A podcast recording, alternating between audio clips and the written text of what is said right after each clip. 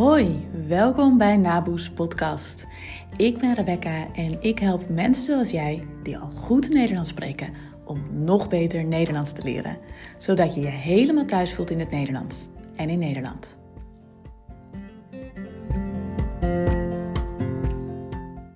Hallo, wat leuk dat je luistert naar deze aflevering van Naboes Nederlandse podcast. Ik denk dat dit een beetje een korte aflevering wordt. Maar goed, dat weet ik nooit helemaal zeker van tevoren. Ik heb het wel eens vaker gedacht en toen bleek het toch een iets langere aflevering te zijn dan ik had verwacht. Maar uh, vandaag denk ik dus dat die iets korter is. Uh, je ziet, uh, jij ziet al het resultaat. Ik op dit moment nog niet.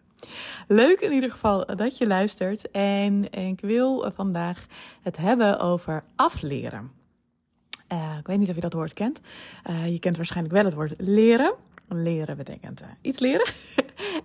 je kunt ook eventueel zeggen dat je iets kunt aanleren. Dan leg je wat meer nadruk op het proces, iets aanleren.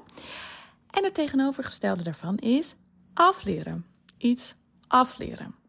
Dat betekent dus dat je gewend bent om iets te doen en aan het leren bent om dat niet meer te doen. Dat is afleren. Uh, je kunt bijvoorbeeld, ik moet denken aan een hond. je kunt proberen een hond iets uh, aan te leren, de bal te halen. Of iets af te leren. Als je hond bijvoorbeeld heel graag uh, bijt, dan is dat niet heel fijn. Dan moet hij dat afleren. Hij is gewend om dat te doen. Maar dat is niet goed, dus dan moet hij dat afleren. Jij bent geen hond, maar voor Nederlands leren geldt wel hetzelfde. namelijk dat je dingen leert en dat je uh, waarschijnlijk op dit moment, op dit niveau waar je nu zit, ook af en toe zult merken dat je iets af moet leren. En daar zal ik nog even iets meer over vertellen. Ik, um, ik denk dat een groot deel van wat ik doe in lessen, één op één uh, vooral, uh, maar ook wel in groepslessen, is oh, ja, horen, ontdekken dat er fouten zitten in je Nederlands die je, of waar je je waarschijnlijk niet van bewust bent. Waarvan je misschien denkt ook dat het goed is, uh, maar die niet goed zijn. En, uh, maar die nooit echt iemand verbeterd heeft. Dat zou te maken kunnen hebben met de uitspraak. Zou te maken kunnen hebben met een woord, uh, met een bepaalde grammaticale constructie. Met de betekenis van een woord. Dat, dat je niet helemaal goed hebt begrepen, van uitdrukking bijvoorbeeld. En wat ik uh, dan als mijn belangrijke taak zie, is sowieso het opsporen van die fouten en je daarna helpen bij het afleren daarvan. Het afleren dus, om dat niet meer te doen. En daar is iets belangrijks bij, namelijk dat dat moeilijk is. Het is heel moeilijk. En als je misschien recent iets hebt ontdekt bij jezelf, wat je al een hele tijd verkeerd doet, of als ik je misschien recent op iets heb, gewe heb gewezen, wat je een tijd verkeerd doet. Um, weet dan dat dat afleren tijd kost. En gun jezelf ook die tijd. Ik denk dat dat mijn belangrijkste boodschap is vandaag. Gun jezelf die tijd om het vervolgens ook af te leren. Wat bedoel ik daarmee? Daarmee bedoel ik dat het volkomen normaal is dat als jij misschien wel jarenlang iets verkeerd hebt gezegd, dat het echt niet na één keer zeggen door mij weg is. Huh? Ik, ik, kan best van invloed zijn op hoe goed je Nederlands leert. Maar zoveel kracht heb ik niet.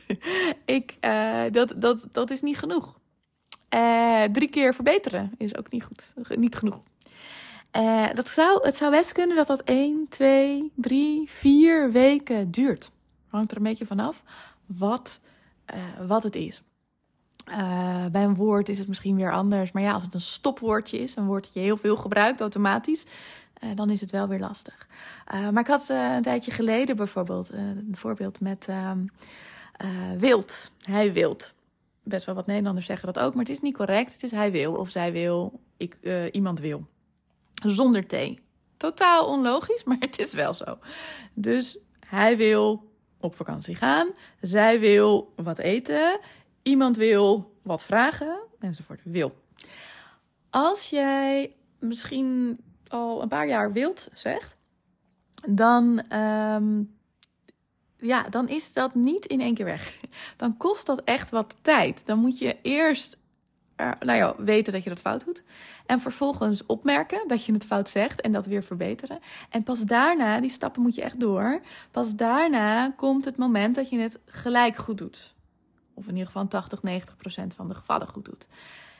Maar ja, dat is niet van de een op de andere dag. Dat is niet één keertje. Dat is iets wat zo automatisch al is geworden in je hoofd. En over het algemeen is zo'n automatisering, zoiets automatisch in je hoofd fantastisch. Want daardoor hoef je minder na te denken. Kun je weer over allerlei andere dingen nadenken terwijl je praat. Maar op zo'n moment blijkt weer dat dat ook lastig kan zijn. Want als iets fout, iets fouts, wel automatisch is geworden, dan moet je heel veel moeite doen. Bewust, want dit gaat niet automatisch. Bewust om het eruit te halen, om het eigenlijk te de-automatiseren, om het vervolgens te veranderen. Gun jezelf die tijd. Doe er moeite voor. Tijd alleen eh, is niet genoeg. Ja, dat eh, lijkt me duidelijk. Gewoon vier weken wachten en het zit goed in je hoofd. Nee. Je moet er wel ook echt uh, misschien vier weken moeite voor doen. Maar gun jezelf wel die tijd. Denk niet na één dag: oh, wat ben ik dom. Ja, of uh, na, na drie dagen, of als ik in een volgende les, als ik je les zou geven, je er nog een keer op wijs. Dat je denkt dat ik jou stom vind. Of dat je het nu echt had moeten weten. Of zo. Nee, dat kost tijd. Gun jezelf die tijd. Gun jezelf de tijd om het af te leren. Want je hebt iets automatisch in je hoofd, wat best uh, nou ja, ver weggestopt zit waarschijnlijk. Moet je weer even naar boven halen. De-automatiseren. Niet meer automatisch maken en dan veranderen. En dan, eigenlijk nog, allerlaatste stap, wil je het weer automatisch maken. Dat kost tijd. Afleren van zoiets kost tijd. Gun jezelf die tijd. Nou, ik zie uh, dat mijn inschatting deze keer klopt. Het uh, kostte niet zoveel tijd om deze podcast op te nemen. Gelukkig, want ik heb zo meteen een andere afspraak uh, voor een koffiepraatje. Uh, daarover, als jij het leuk vindt om een keer met mij te praten over alles wat je nog in het Nederlands wil bereiken. En als je misschien wil weten hoe ik je daarbij zou kunnen helpen, dan kun je natuurlijk altijd een afspraak maken voor een koffiepraatje. Uh, dan uh, luister ik naar je, geef ik je advies als je dat wil. En uh, vertel ik je ook, als je dat wil, uh, wat ik voor je zou kunnen betekenen met verschillende cursussen. Ik heb verschillende cursussen. Ik heb ook één één op één programma. En ja, ik denk dat er, dat er voor veel mensen wat tussen zit. Wel allemaal voor vergevorderde, dus ongeveer vanaf B2 niveau. Als je een keer een afspraak wil maken, ik zal de link hieronder in de show notes zetten. En um, sowieso vind ik het altijd leuk om van je te horen. En uh, als je me nog geen uh, vijf sterren had gegeven, dan uh, waardeer ik dat zeer als je dat zou willen doen. Als je wat aan deze podcast hebt gehad. want dat helpt me om ook beter vindbaar te worden voor andere mensen zoals jij. Die Nederlands spreken, maar nog beter Nederlands willen leren. En dan kan ik ook hen helpen en inspireren. Dankjewel voor het luisteren en uh, ik wens je een heel fijne dag. En hopelijk tot de volgende aflevering. Doei!